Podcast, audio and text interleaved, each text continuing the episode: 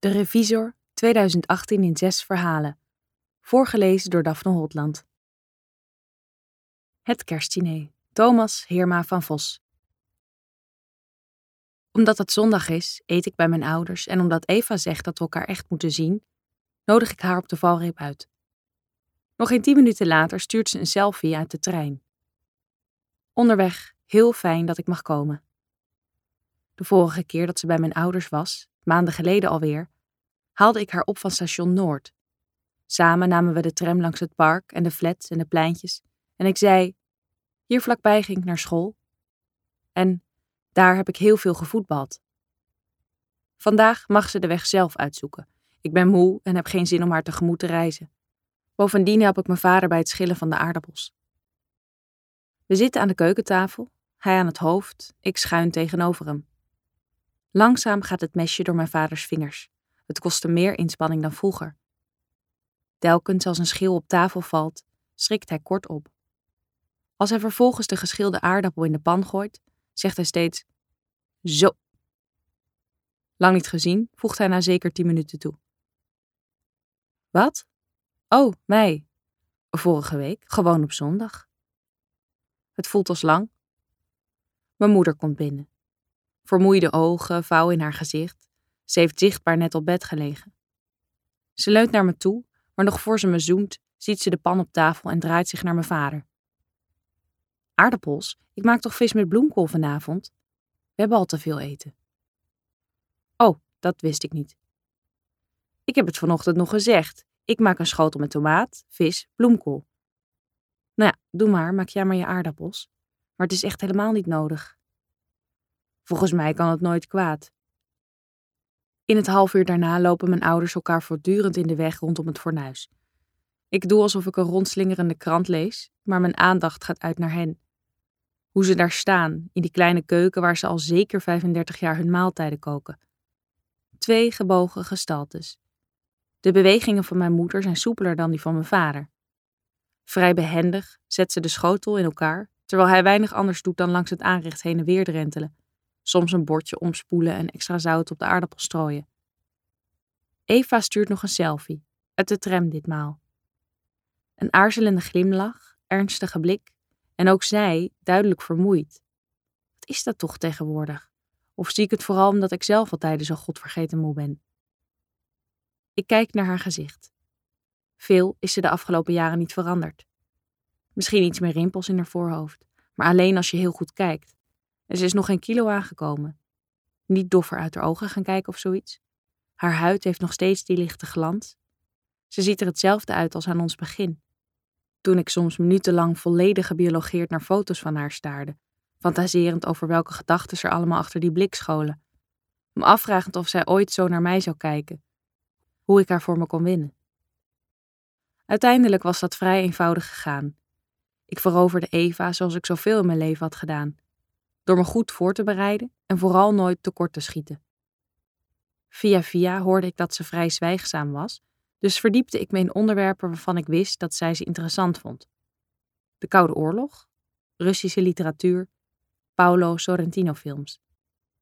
Ik leerde pannenkoeken bakken voor onze eerste maaltijd samen. De vriend met wie ik oefende zei: Je houdt de spatel vast alsof je een aap bent die dat ding in zijn hand krijgt gedrukt. We gingen net zo lang door tot hij het er acceptabel vond uitzien. En ik merkte dat het lukte, tijdens die eerste maaltijd, tijdens de maaltijden daarna. Stukje bij beetje overtuigde ik haar. Mijn vader dekt de tafel. Mijn moeder vindt het duidelijk te traag gaan en helpt hem. Waarom ze mij niet om hulp vragen is mijn raadsel. Uit mezelf doe ik niets. Eén voor één worden de dampende pannen op tafel gezet en de servetten gevouwen. Pas als de bel gaat, kom ik in beweging. Aarzelend laat ik Eva binnen. We groeten elkaar eerst alleen met een knikje. Daarna drukt ze haar lippen op mijn mond en zegt: Echt fijn om je te zien. Ik heb je gemist. Ik wil heel graag met je praten. Ik weet niet of dit fijn is, laat staan of ik je wil zien. En ook, hadden we niet beter eerst met z'n tweeën kunnen afspreken? Waarom drong je hierop aan? Omdat je wist dat ik op zondagavond in dit huis ben? Maar ik gebaar dat ze door moet lopen. Mijn ouders omhelzen haar allebei, iets wat zeker niet bij mijn vader past en wat me stoort. Ook tegen haar zegt hij: Lang niet gezien. Misschien zegt hij dat tegenwoordig tegen iedereen die hij tegenkomt. Heel lang, zegt Eva. Ja, ik wilde echt graag weer eens komen. Ze kijkt naar mij terwijl ze de woorden uitspreekt. Alsof ik de fout heb gemaakt. Zoals gebruikelijk hier gaat ze tegenover me zitten, naast mijn moeder die zwijgend de borden vol schept. Vis, bloemkool, tomaat. Iedereen krijgt dezelfde hoeveelheden. Iemand aardappelen? vraagt mijn vader, maar zowel mijn moeder als Eva schudt meteen haar hoofd. Ik wil ook niet, toch laat ik mijn vader beleefdheidshalve mijn bord vol scheppen. Zo, zegt mijn moeder, eet smakelijk. Goed dat jullie er zijn, allebei. Dat is toch echt al even geleden. Hoe gaat het ermee? Eva kijkt alweer naar mij. Ik zeg, net een warm stuk bloemkool in mijn mond. Ach, kan slechter. Kan beter. Iets bijzonders? Nu kijk ik ook naar Eva. Naar haar zorgvuldige gekauw op een stuk vis. De lippen die heen en weer bewegen en waar nog steeds geen geluid uit komt. Haar zwijgzaamheid, die is tot mijn verbazing nooit helemaal weggegaan. De eerste keer dat ze met iemand anders zoende, vorige zomer, vertelde ze het pas enkele dagen later. Ze was naar een muziekfestival aan de andere kant van het land geweest. Toen ze bij me aankwam, ontving ik haar met thee en koekjes. Ze ging op de bank zitten en ik wilde haar zoenen, haar kleren uittrekken. Ineens was ik ontzettend opgewonden. En toen zei ze het. Haastig liep ik vervolgens rondjes door mijn kamer. Ik had geen idee hoe ik moest reageren. Ik deed een halfslachtige poging tot schelden. Uiteindelijk zaten we vooral heel lang tegenover elkaar aan mijn keukentafel. Eva begon te huilen. Ze zei vijftien keer sorry en iets over dronkenschap. Ik liet haar die nacht bij me slapen en twijfelde of dat een daad van barmhartigheid of zwakte was. De volgende ochtend al maakten we afspraken voor de toekomst. Zo noemden we het althans tegen elkaar: afspraken. Nu ik eraan terugdenk, waren het eerder vage beloftes. Minder drinken, beter opletten, vaker iets van je laten horen als je dagenlang weg bent. Niet meer zoiets doen. Daar kwam het eigenlijk op neer. Wil je dit alsjeblieft niet meer doen, Eva? Volgens mij moeten we het ergens over hebben. De stem van mijn moeder, ik schrik op, is op de hoogte? Nee, dat kan niet. Weet ze op een intuïtieve manier dat er iets speelt? Ik ben wat vroeg dit jaar, maar vorige keren liep het steeds mis. Zullen we dit jaar kerstmis weer eens vieren, met andere mensen erbij? Jullie tweeën, wat vrienden, familie, dat kan heel leuk zijn. Ik heb er ook over nagedacht. Vorig jaar was ik nog bij Eva's ouders. Dit jaar had ik me voorgenomen niets te vieren. Ik wil de hele kerst in bed liggen en zo lang slapen als ik in me heb, en dan nog iets langer. Ja, ja, zegt mijn vader, weer eens wat mensen zien, dat zou ik leuk vinden. Mijn moeder, we kunnen uit eten gaan. Leuk, zeg ik zonder me af te vragen of ik het meen. Absoluut niet veel te duur. Ik ging er al vanuit dat je dat zou zeggen, dus ik dacht: hier mensen uitnodigen, een lange tafel in de woonkamer zetten. Dat lijkt me heel leuk. Hier in huis? Mijn vader snijdt tergend traag zijn vis en het bijbehorende vel los van elkaar. Wel nee, daarvoor wonen we veel te klein. Dan ga ik ergens anders eten. Zal ik helpen? Ik wijs naar zijn bord, met snijden. Laten we het weer bij Barbara doen, zegt hij op een toon alsof hij mijn vraag daarmee beantwoordt. Zoals vroeger. Barbara is mijn tante, fluister ik tegen Eva, die alsmaar naar mij kijkt. Hé, hey, bij Barbara, hoe kom je erbij? zegt mijn moeder, terwijl ze iedereen drinken inschenkt. Mij water, Eva natuurlijk wijn. Daar zat je altijd op te kankeren. Te kankeren? Het duurde te lang, het huis lag te ver weg, de kalkoen was niet gaar, je zat naast de verkeerde mensen. Ik heb er goede herinneringen aan, zegt mijn vader. Ik vraag me af of hij dat echt gelooft. Ik weet de ritjes naar die kerstdiners nog goed, de stad uit, de polder in. De kritiek die mijn vader vaak tijdens het rijden al leverde op de partnerkeuze van neven en nichten, op de naar zijn smaak onverzorgde uitdossingen. Oordelen die hij na afloop, toen hij iedereen van dichtbij had gezien, alleen maar feller herhaalde. En ik herinner me vooral de overzichtelijkheid van die jaren. Dat was familie, daar kwamen we elk jaar samen. Al die mensen die daar aan die lange tafel zaten en inmiddels zijn overleden of gewoon uit de familie verdwenen. Al die ooms en tantes op wie ik diep van binnen neerkeek en die het zoveel langer hebben volgehouden dan wij met z'n tweeën.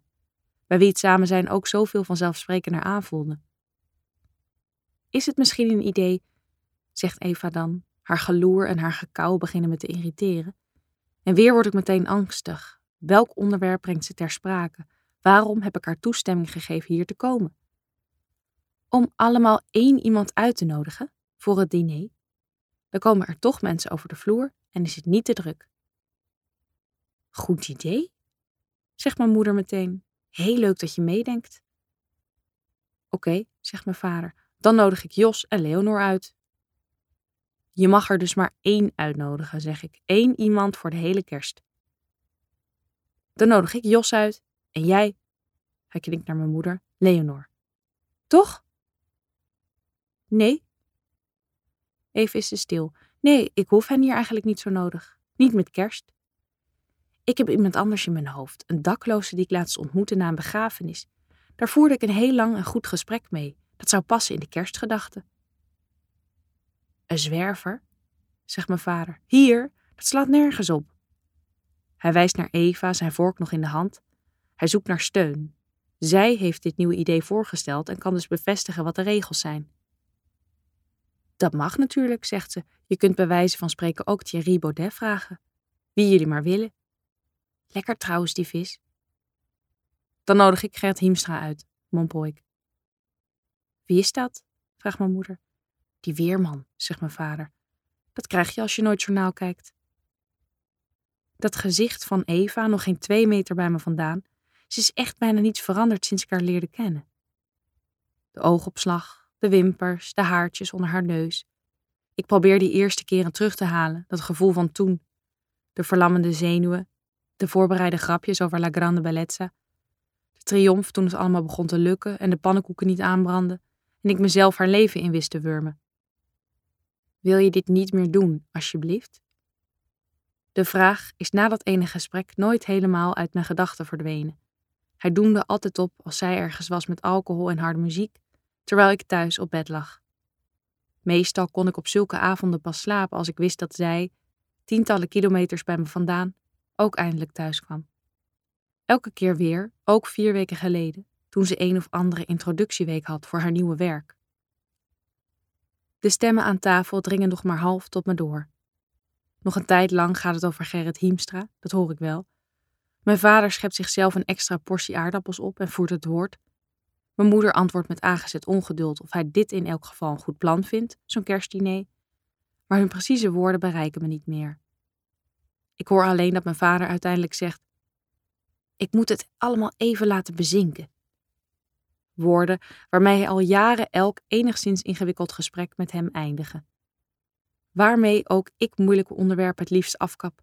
Vorige maand hoorde ik mezelf precies die zin nog uitspreken. Deze keer had Eva anderhalve week gewacht. In de tussentijd waren we twee keer naar de bioscoop geweest en hadden we geen seks gehad. Toen kwam ze op een avond langs en zei het direct, met haar jas nog aan. Gezoend met een ander. Gezoend? Geslapen. Ik hoor haar de woorden opnieuw zeggen terwijl ze me aankijkt. Ik zie ieder detail van ons laatste lange gesprek voor me. Ditmaal waren de tranen er al, zodra ze aan haar eerste zin begon, en zei ze zeker twintig keer sorry. Roerloos bleef ik staan, armen over elkaar als een mokkend kind. Waarom had ik toch geen woede in me? Waar bleven de scheldwoorden, de zwaaiende vuisten? Ze zei: Er kroop iets in me, ik kon het niet helpen. Ze benadrukte dat hij zomaar iemand was. Dat leek een geruststelling te vinden, maar die willekeur fokte me alleen maar verder op. Iedereen kon het dus zijn. Ik maakte me de wildste voorstellingen van hoe het gebeurd was. Tong erbij, tastende handen, ons blote lichaamsdelen. Ik probeerde de beelden te onderdrukken, maar wist ook dat ik die voortaan bij me zou dragen. Na een half uur zei ik: Het lijkt me beter als we elkaar een poosje niet meer zien. Bezinken, bezinken, oprotten. Toen kwam er nog een dag en nog een dag, een week zonder contact. Maar al gauw wisselden we weer berichten uit. Zoekend. Eva schreef plotseling dingen als: Ik hoop je snel weer te zien. Taal alsof we elkaar net kenden. Eerste dates, hopen op vervolgafspraken. Ik moest dit beëindigen. Vrienden zeiden me dat ik als ferm diende te zijn. Maar ik durfde het niet. Al die tijd samen zou dan verdampen. Op mijn aandringen gingen we naar een relatietherapeut. Een braaf gesprek in een buitenwijk van een buitenwijk. Trein, bus, wandeling. Ergens in de buurt van Amersfoort kwamen we terecht tegenover een beleefde dame die ons voor 120 euro per uur liet vertellen wat we zo aantrekkelijk aan elkaar hadden gevonden. We zeiden min of meer dezelfde dingen. Ik was langer aan het woord dan Eva. Aan het einde van het consult zei de vrouw: Het valt me op dat jullie, en zeker jij, daarbij wees ze met haar pen naar mij, heel veel analyseren en alsof zeker zij wel behoefte heeft aan emoties. Misschien doet ze dit wel om een reactie uit te lokken. Een reactie? Waarop, waartegen? In welk opzicht was ik tekortgeschoten? Mijn moeder stapelt de lege borden op, het bestek bij elkaar, alles in de wasbak. Iemand koffie? Nee, bedankt, ik wil weg. Ik had hier niet heen moeten komen. Oh, Eva wil wel koffie. Ook mijn vader komt overeind. Strompelend loopt hij naar het aanrecht. Even heb ik het idee dat hij om gaat vallen. Over kerstmis heeft niemand het nog. Het is me onduidelijk of er nou iets afgesproken is voor die dagen. Ik zie voor me dat mijn moeder hier een kalkoen bereidt, cranberries op tafel, Gert Hiemstra en Thierry Baudet die aan weerszijden van mijn vader neerploffen, een zwerver die zich op de aardappel stort. Geen idee wie ik dan zal uitnodigen. Ik weet niet eens of ik kom opdagen of ik iets wil vieren. Zal ik Eva hier ooit nog toelaten?